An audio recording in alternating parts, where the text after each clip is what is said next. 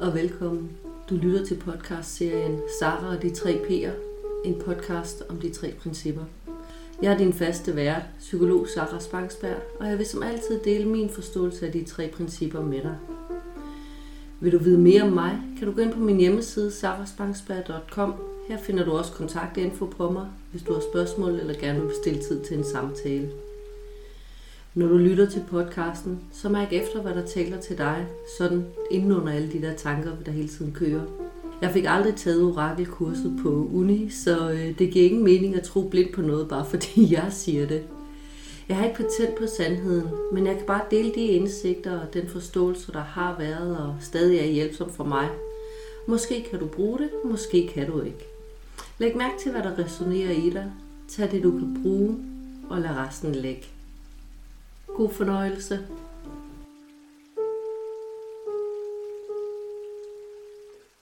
Hej. I det her afsnit, der vil jeg gerne tale om fortiden og fremtiden og hvordan vi kan opleve, at det påvirker os. Lad mig starte med at slå fast, at det eneste vi som mennesker kan opleve, er de tanker vi har lige nu. Lige nu i dette sekund. Tanker forstået bredt ikke kun som de bevidste grublerier, vi nogle gange kan have. Og jeg gentager lige. Det eneste, jeg kan opleve, er mine tanker i dette øjeblik. Jeg kommer sådan til at, til at tænke på, da, da jeg var barn. Vi boede på en, øh, på, på en lille gård, sådan en lille nedlagt landbrug, og som jeg husker det, så gik min far altid rundt og, og var i gang med at ordne ting. det gør han faktisk stadigvæk. Nå, nogle gange, når, når han så kom, kom, kom, kom ind sådan til aftensmad for eksempel, så kunne han øh, have en, i hvert fald i mine øjne, øh, temmelig øh, øh, blodig hånd, eller store rifter på armene, eller hudafskrabninger på skinnebenene, eller uh, sådan et eller andet andet. Ting, som jeg helt sikkert vidste gjorde mega ondt. Og når jeg så sådan lidt sådan chokeret og omsorgfuld spurgte, hvad er der dog sket? Så vil han helt se sådan helt undrende på mig, og derefter se på sig selv, der hvor jeg nu pegede hen, og så sige, øh, øh, det ved jeg ikke, det har jeg slet ikke opdaget. Det er jo ikke fordi min far han er sådan en robokop, eller har færre nerver end resten af os. Det skyldes ganske enkelt, at det ikke var noget, hans tanker fandt synderligt relevante. Og dermed var det ikke en del af hans oplevede virkelighed. Når jeg så blev ved med sådan at, at insistere, og han så tænkte sig godt om, så kunne han nogle gange huske, at åh, åh, der var vist et eller andet med, at jeg lige stødte benet mod en kant tidligere, men jeg ved ikke, om det var der, det skete, eller sådan et eller andet andet. Og jeg var sådan helt målløs, fordi havde det været mig, så havde mine tanker, så snart jeg stødte benet, givet det utrolig meget opmærksomhed, og smerten ville have fyldt i min oplevede virkelighed resten af dagen. Muligvis til en grad, så ville have været nødt til at sidde med en kold klud på eller noget. Og jeg vil i hvert fald ikke, no matter what, have været i tvivl om, hvornår jeg fik det så. Så vi oplever altså vores tanker om virkeligheden, ikke virkeligheden. Og nogle gange, så de tanker, der dukker op i mit hoved, altså tanker om fortiden eller fremtiden.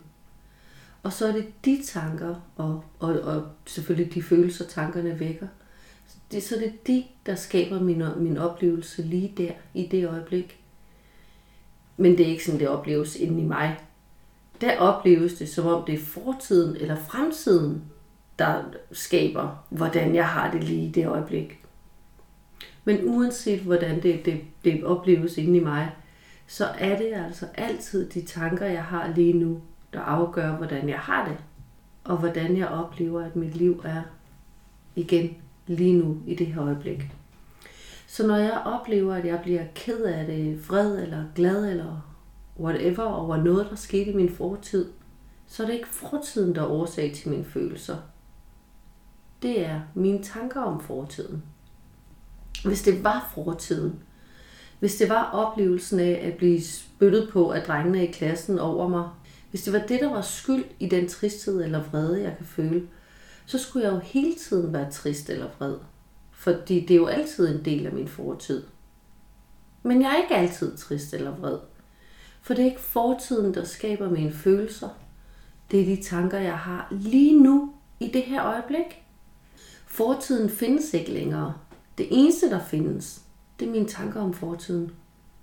Og det vilde er, at mine tanker om fortiden er ikke altid de samme.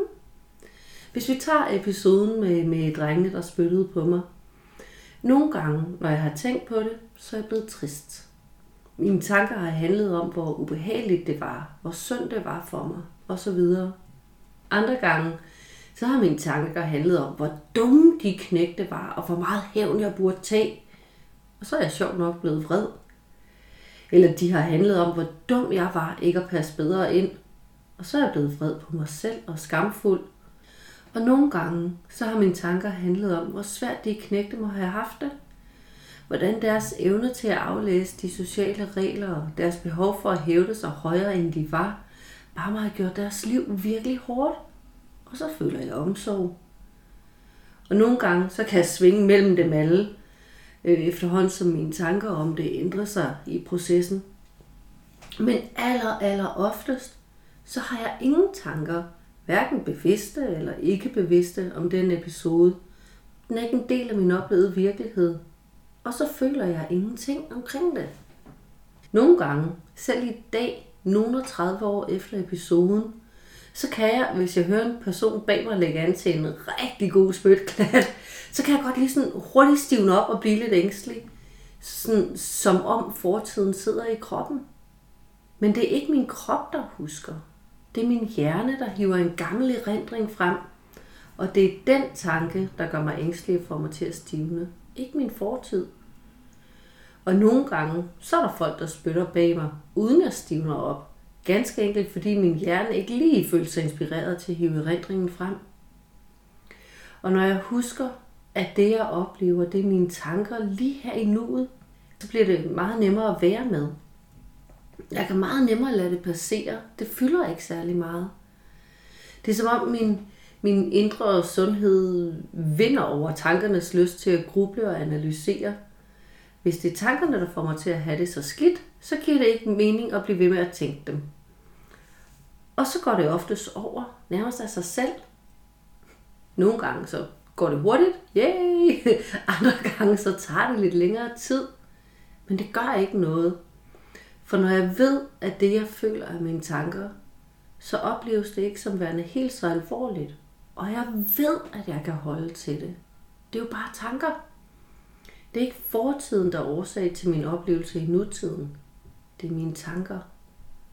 Og det samme gælder for fremtiden. Min hjerne vil så gerne hoppe ind i fremtiden og skabe alle mulige små fremtidsfilm om, hvad der kan ske. Og så kan jeg opleve det, som om jeg bliver ængstelig, vred, glad, det, øh, hvad det nu er for en følelse, jeg får, på grund af et eller andet i fremtiden.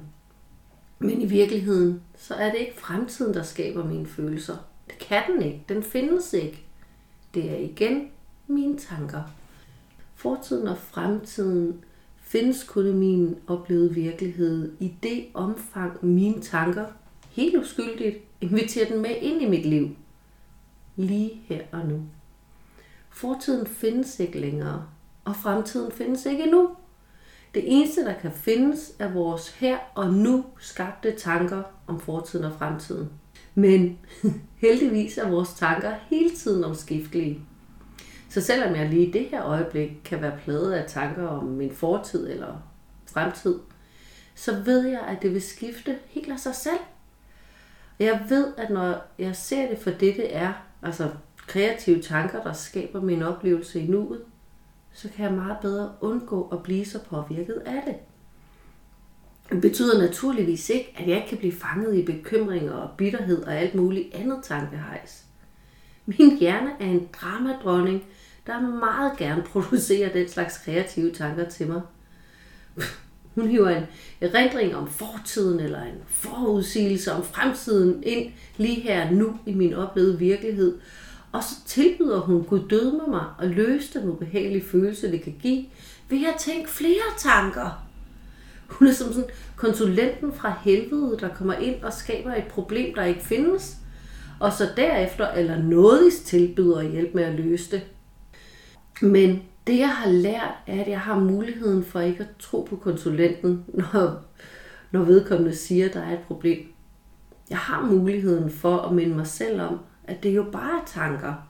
At det eneste, jeg føler og oplever lige nu, er de tanker, mit intellekt nu lige har produceret til mig.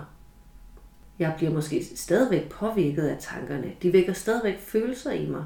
Men jeg tager det ikke helt så alvorligt, som dengang, da jeg troede, det var fortiden eller fremtiden, der vækkede mine følelser. Jeg kan ligesom bedre holde det ud, for, for det er jo bare tanker. Jeg ved, at jeg lige nu og her faktisk ikke er i den situation, min hjerne inviterer ind i min oplevede virkelighed. Fortiden kan ikke gøre mig noget, for den findes ikke længere. Og fremtiden kan ikke gøre mig noget, for den findes ikke nu. Og mine tanker kan ikke gøre mig noget. De er bare tanker, der skaber følelser, og de ændrer sig igen. Jeg ved, at jeg sidder trygt og godt i min opdrift, selv når jeg er helt nede i bunden. Jeg tænker det, jeg tænker, og jeg føler det, jeg føler. Og det skal nok ændre sig. Helt af sig selv. Jeg kommer sådan til at tænke på, da jeg var teenager. Vi havde den skønneste hund, Tjalf. Hans sind var sådan en vidunderlig blanding af Lassie og fæhunden. og jeg kan utallige historier om, hvordan han lavede både heltegærninger og virkelig fjollede, tossede ting. Han var i min optik, både dengang og nu, den bedste hund i verden. Og så en dag døde han. Og jeg var helt ulykkelig. Jeg lå i min seng og græd, og min dengang ganske lille, lille søster kom ind og var i godt humør. Og jeg blev simpelthen så vred på hende over det. Hvordan kunne hun tillade sig at være i godt humør, når Tjalfa var død? Betød han slet ikke noget for hende? Og så gik jeg i gang med at skrive min dagbog om savnet, hvor tomt mit liv ville blive, og hvordan jeg aldrig ville blive glad igen. Hvor lidt min søster overhovedet fattede, og hvor lidt mine forældre fattede, når de ikke ville have at blive sur på hende. Og hvordan de i øvrigt altid gjorde forskel, og det gjorde de også i forhold til XXX, hvilket mindede mig om uh, XXX. Og der var ham den søde til stede, og ham den søde havde faktisk smilet til mig sidst, og måske kom han med i ungdomsklub i morgen. Åh, jeg håber han kommer. Og pludselig, så var min oplevede virkelighed en helt anden. Jeg var sgu blevet i godt humør, og på magisk vis, så var jeg også kommet ud af sengen og sad ved mit skrivebord, hvor jeg var, gik i gang med noget krea, og jeg havde intet gjort for det. Det skete bare. Helt af sig selv.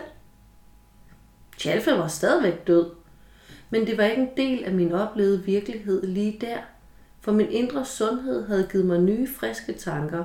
Min opdrift har lavet sin magi. Da jeg så lidt efter kom i tanke om, at Tjalfe var død, blev det igen en del af min oplevede virkelighed. I samme øjeblik, jeg huskede det, så blev jeg ked af det, og i samme øjeblik, jeg glemte det igen, så stoppede jeg med at være ked af det. Til sidst, så stoppede jeg helt med at være ked af, at han var død, fordi indholdet i tankerne om hans død ændrede sig. Igen helt af sig selv. I dag, så kan jeg godt tænke på hans død, uden at føle mig trist. For det var ikke Tjalfes død, der gjorde mig trist. Det var indholdet i de tanker, jeg helt uskyldig havde, der gjorde mig trist. Var det hans død, så skulle jeg have været trist 24-7 helt indtil i dag. Fordi han har altså været død hele tiden, lige siden den dag han døde. Og selv hvis jeg stadig blev trist, hver gang jeg tænkte på det, så ville det stadigvæk være tankerne, der gjorde mig trist. Ikke hans død, og min indre sundhed vil stadigvæk arbejde for opdrift.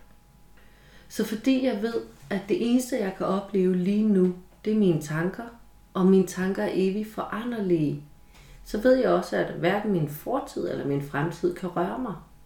Det eneste, der kan nå mig, er mine tanker og de følelser, de vækker. Men de er harmløse.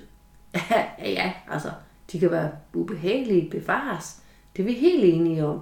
Men de kan ikke gøre mig noget. Og de skal nok gå over igen. Helt af sig selv. Jeg ved, at jeg uanset hvad jeg lige nu tænker eller føler, er helt okay. Jeg plejede at tro, at der var stor forskel på mine tanker om fremtiden og fortiden. Jeg kunne godt se, at tanker om fremtiden måske var lidt fjollede, fordi jeg jo godt ved, at jeg ikke kan se ind i fremtiden. at mit intellekt så prøver at overbevise mig med argumenter om statistikker og erfaring, det er så en anden sag. Men jeg vidste godt, at jeg jo helt ærligt ikke kan se ind i fremtiden. Jeg kan kun komme med mere eller mindre kvalificeret gæt, og da jeg samtidig godt kendte min hjernes tendens til drama, så var jeg også helt med på, at de kvalificerede gæt nok vil have en vis slagside mod, mod det dramatiske. Så på den måde kunne jeg godt se det utroværdige i mit intellekts fremtidsgætterier. Og det blev derfor dem, jeg først skulle distancere mig fra. Jeg har ikke stoppet mit intellekt lige stadigvæk at lave dem, må jeg dog lige sige. Men fortiden, det var noget helt andet. Det, den har jo været der. Jeg har oplevet den. Så mine tanker om den, det er sandheden. Og følelserne, jeg føler i dag, kommer jo af den oplevelse, jeg havde. Altså at det, jeg i bund og grund føler, er min fortid. At min fortid er skyld i, hvordan jeg har det nu, fordi den har lavet de tanker, jeg har nu. Men så opdagede jeg, at det bare ikke passer. Naturligvis kan min hjerne nogle gange lade sig inspirere af min fortid, men min fortid rummer millionvis af dybt forskellige inspirationskilder. Og hvilke af dem mit intellekt nu lige hiver frem, det er bare ikke til at vide. Det er ikke engang til at vide, om den gør det. Og selv i det tilfælde, hvor mit intellekt så lader sig inspirere af noget fra min fortid, så ved jeg aldrig på hvilken måde. Det er som om, der er en ny klipper på filmen, hver gang den bliver trukket frem. Nye vinkler, ny lyssætning, nye pointer. I eksemplet fra tidligere med drengene, der spyttede på mig, så kan jeg genopleve det på 100 forskellige måder. Der er ingen tvivl om, at de spyttede. Det er et fakt. Men jeg kan genopleve det som et bevis for, hvor meget outsider jeg var, eller jeg kan genopleve det med fokus på hende, der bagefter hjalp mig med at vaske min trøje, eller med fokus på, hvor stakkels de drenge faktisk var, eller på, at børn er onde, eller som at øh, de var socialt akavede og ønskede at etablere noget kontakt, eller som noget, der faktisk overhovedet ikke var særlig vigtigt. 100 forskellige vinkler på den samme begivenhed. Og hver gang mit intellekt præsenterer mig for en version af begivenheden, så virker den som den sande erindring, og jeg føler så det, der passer til. Det er bare sjældent det samme. Fortællingen ændrer sig. Det, det, det er lige så kreativt, som når mit intellekt præsenterer mig for forskellige sandheder om fremtiden. Så jeg gentager lige. Sådan som min fortid ser ud for mig lige nu, er lige så meget et resultat af mine kreative tanker, som billedet af min fremtid er. Jeg oplever mine kreative tanker og de følelser, der følger med dem. Og det virker så sandt, som om det er fortiden eller fremtiden, jeg oplever. Men det eneste, jeg kan opleve, det er mine tanker og følelser lige her nu i øjeblikket. Det betyder ikke, at vi ikke skal have tanker om fortiden og fremtiden, eller at vi ikke skal blive påvirket af vores tanker om fortiden eller fremtiden. Fordi det kommer vi til at have, og det kommer vi til at være. Det betyder heller ikke, at vi absolut skal have dem og blive påvirket. For der er ikke noget, vi skal eller ikke skal. Det er, som det er. Vi har det, som vi har det. Vi tænker det, vores kreative hjerne nu producerer, og vi føler det, der nu følger med, og det er okay. Det er det, jeg har prøvet at pege på med det her afsnit. Det er ikke, hvordan vi skal have det, men i stedet, hvad vi oplever, når vi har det. At det, vi oplever altid, er vores helt uskyldige og meget kreative tanker i dette øjeblik. Intet andet. Og når jeg husker det i mit eget liv, så bliver mine oplevelser meget lettere at leve med, uanset hvilken form de tager.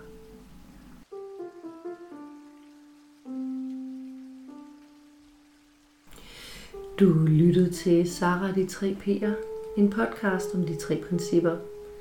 Podcasten her er et interesseprojekt, der skal passe selv med mange andre ting, og jeg kan derfor ikke garantere faste udgivelsesdage. Så hvis du kunne lide, hvad du hørte, og gerne vil høre mere i takt med, at det bliver udgivet, så husk at følge podcasten. På den måde får du nemlig besked, hver gang jeg lægger noget nyt ud. Du må også meget gerne både anbefale og dele den. Jo flere den kan nå ud til, jo større chance for, at den kommer ud og gør en forskel. Har du forslag til et emne, du gerne kunne tænke dig at høre min vinkel på, så kontakt mig gerne gennem min hjemmeside sarasbangsberg.com. Inspiration er altid kærkommen. Jeg kan selvfølgelig ikke love, at jeg laver podcast om alle forslag, men jeg læser og svarer i hvert fald alle beskeder. Musikken i podcasten den er komponeret og indspillet i samarbejde med min talentfulde og hjælpsomme ven Anders. Indtil næste gang, husk, livet er her, lige her, i dette øjeblik.